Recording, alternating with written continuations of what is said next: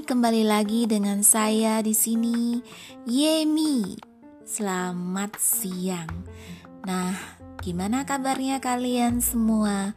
Dan kali ini aku sebelum uh, kelewat atau menunda lebih lama lagi, ide kali ini aku ingin merekam atau men-sharing tentang uh, hari uh, peringatan Tionghoa jadi orang Tionghoa kan memperingati hari-hari khusus spesial.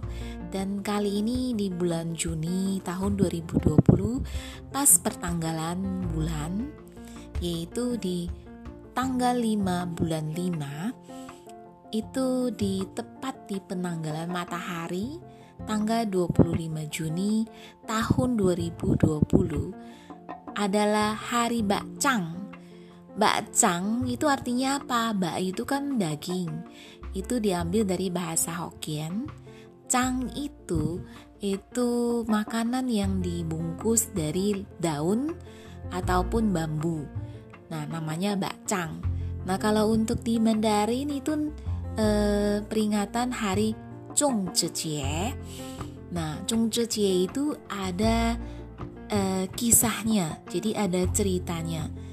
Nah, cerita ini uh, bukan sekedar uh, fiksi, tapi juga non fiksi.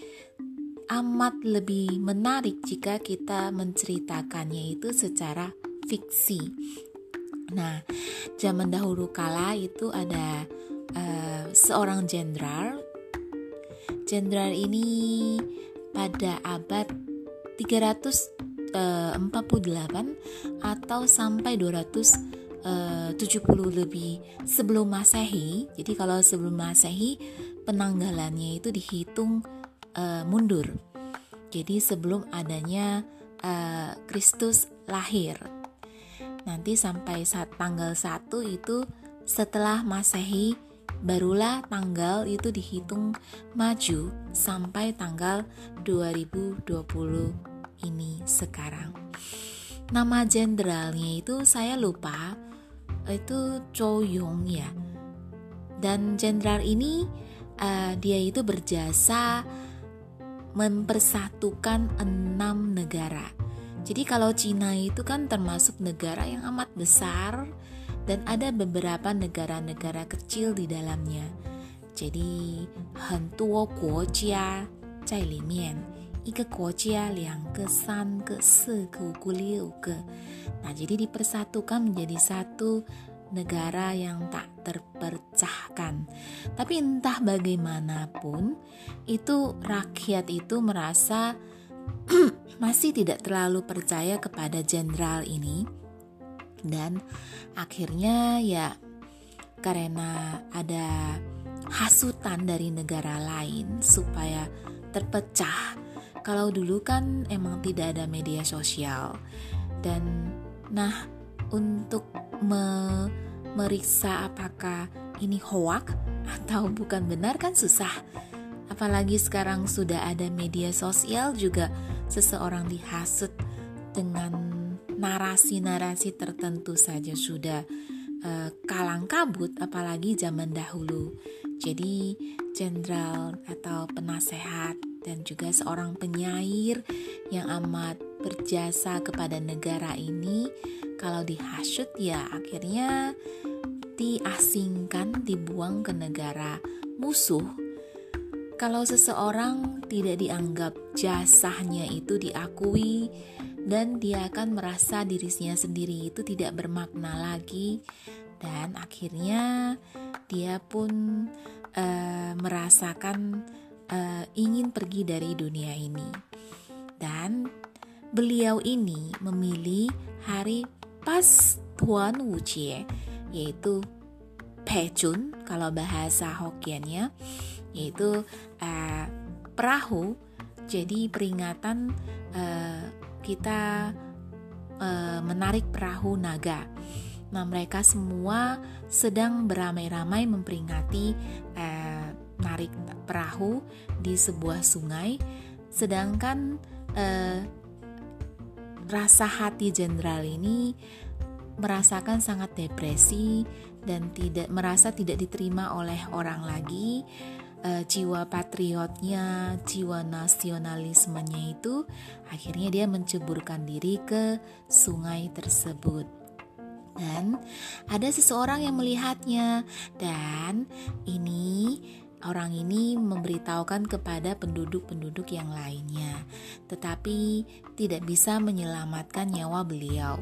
Jadi, mereka untuk menghormati jasadnya beliau, mereka itu memasukkan nasinya itu ke dalam bambu. Bambu kan biasa ada berongga dan dimasukkan juga dengan lauk pauk ke dalamnya dan ditenggelamkan di dalam sungai tersebut. Itu konon untuk mencegah supaya ikan-ikan ataupun monster tidak memakan tubuh-tubuh uh, jenderal ini. Jadi konon katanya dulu ada monster naga gitu. Ya, nah peringatan ini selalu diperingati karena setiap kita ada peringatan besar atau mengingat sesuatu peristiwa yang penting, pasti akan ada makanan. Jadi kali ini makanannya yaitu bakcang, makanan tuahnu cie. Nah, tapi masa pandemi ini uh, aku dan keluarga sekalian tidak berkumpul dan juga tidak makan bakcang biasanya kita beli eh biasanya kita bikin sendiri. Jadi bukan beli karena bikin itu lebih wangi. Kita ambil dari daun bambu dan kita bikin segi limas seperti limas dan dimasukkan juga daging B2 tapi juga sekarang daging B2 lagi pandemi ya begitulah masa sulit ini, keadaan sulit ini sangat membuat uh, kita makin merindukan masakan yang lebih enak. Dan akhirnya saya hanya bisa melihat di YouTube, yaitu YouTube-nya Li Zi, Li Zi. Jadi dia membuat uh, Zhe, kita panggilnya Zhe, itu dari daun bambu, diambil dari desanya sendiri dan dia bikin dua macam cungce itu ada cungce yang manis dan juga ada cungce yang asin. Jadi kalau yang manis itu pakai uh, gula merah atau mungkin juga ada yang pakai kecap manis tapi lebih enak gula merah. Nah sekian ya ceritanya kisah ini semoga kita tahu dari mana asalnya Zhongzhe ini dan juga bakcang ini. Oke, sampai jumpa lagi minggu depan di hari yang atau waktu yang sama. Semoga kalian tetap sehat di jiwa dan tetap sehat di badan dan juga iman. Amin. Dah, bye.